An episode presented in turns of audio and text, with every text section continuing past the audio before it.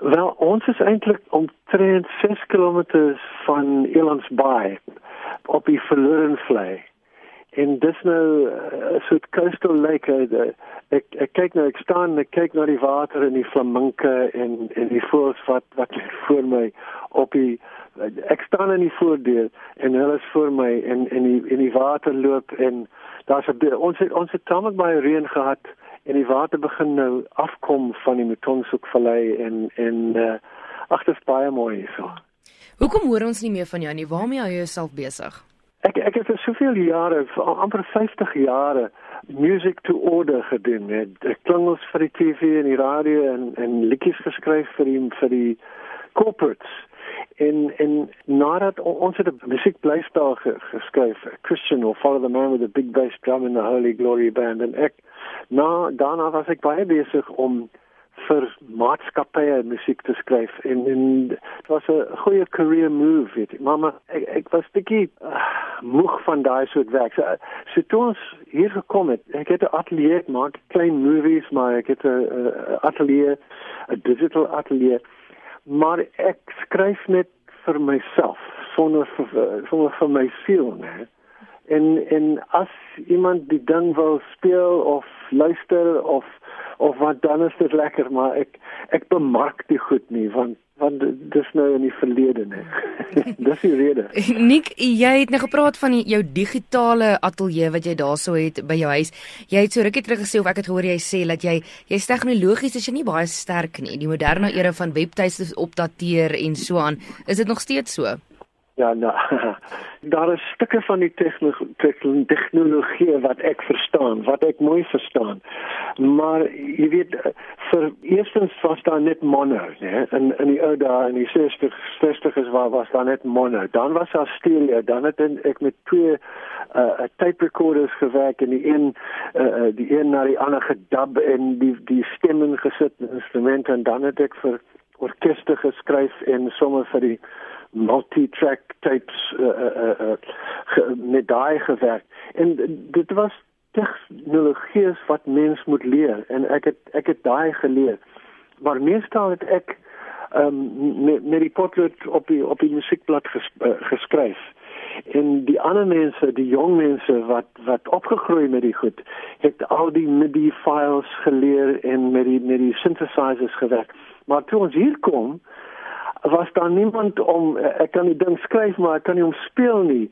En daar's geen uh, strykers of woodwinds of brass of iets wat wat die mense om, om die ding op te neem. So ek moet die die die die tegnologie uh, leer En so eh, ek leer dit stadig en en net sodra ek hom leer dan maak ek 'n uh, opname want ek, ek ek het net 'n paar maande gelede 'n operasie gehad vir 'n vir 'n hernia en en ek moet vir dae lank op my rug lê. Die download ek GarageBand vir iPad. Hmm. en dit slags maar maar die tegnologie is, is so lekker dat ek nou ses liedjies vir Sonja Herald geskryf het op daai iPad en die demos gemaak.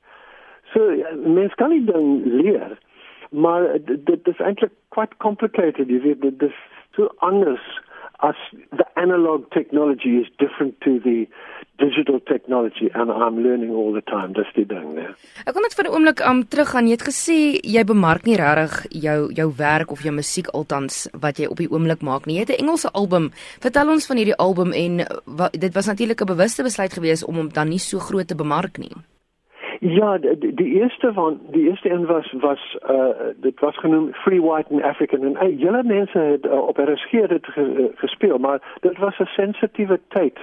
Uh Free White and African was 'n Engelsman se se take op die nuwe Suid-Afrika, né? En die ander radiostasies wil glad nie die ding speel nie, maar RSG het dit gespeel. So ek het uiteindelik die die die album se naam verander tot Letter from Africa.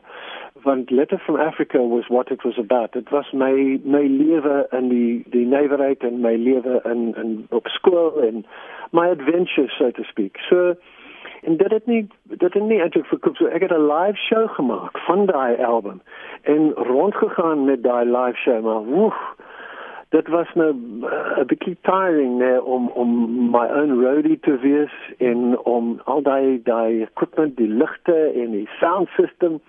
En ek het getoer met die ding na na 'n paar venues maar die mense was nie they weren't so keen on me doing a one man show. I used tracks ek het banjo gespeel, klavier gespeel uh, en en paar uh, van van die nuwe liedjies gespeel. En uh, dat was dat was nice om te doen but it was so tiring that I, I just couldn't keep it up. I was just getting a little old to be my own roadie, and you know, there's there's a there's a half a uur en 'n half om die ding op te stel. Mm. Dan wag jy vir 'n uur en 'n half dat die mense inkom en hulle se sitplekke vind en hulle eet bietjie, dan doen ek die cabaret en was 'n uur en 'n half show. Ek het ek het 'n klomp uh, series uh, verkoop op die shows, maar dit was 'n bietjie die die werk was 'n bietjie te hard. So toe toe ons hier na toe gekom het, het ek besluit nee, ek gaan net vir die old age homes werk. As hulle vra dat dat ek 'n show doen, dan sit ek ek speel net my my nommers wat ek uh, wat ek nou skryf en uh, ek doen nie comedy in, in die ou dae ek baie comedy ja, gedoen. Jy sê Afrikaans is baie goed vir jou gewees al die jare. Was dit vir jou altyd nog makliker geweest om in Afrikaans of in Engels te sing? Wat sê jy net jy verkies? Die ding is ek is eintlik Engels sprekende. Ek aan Scots by descent.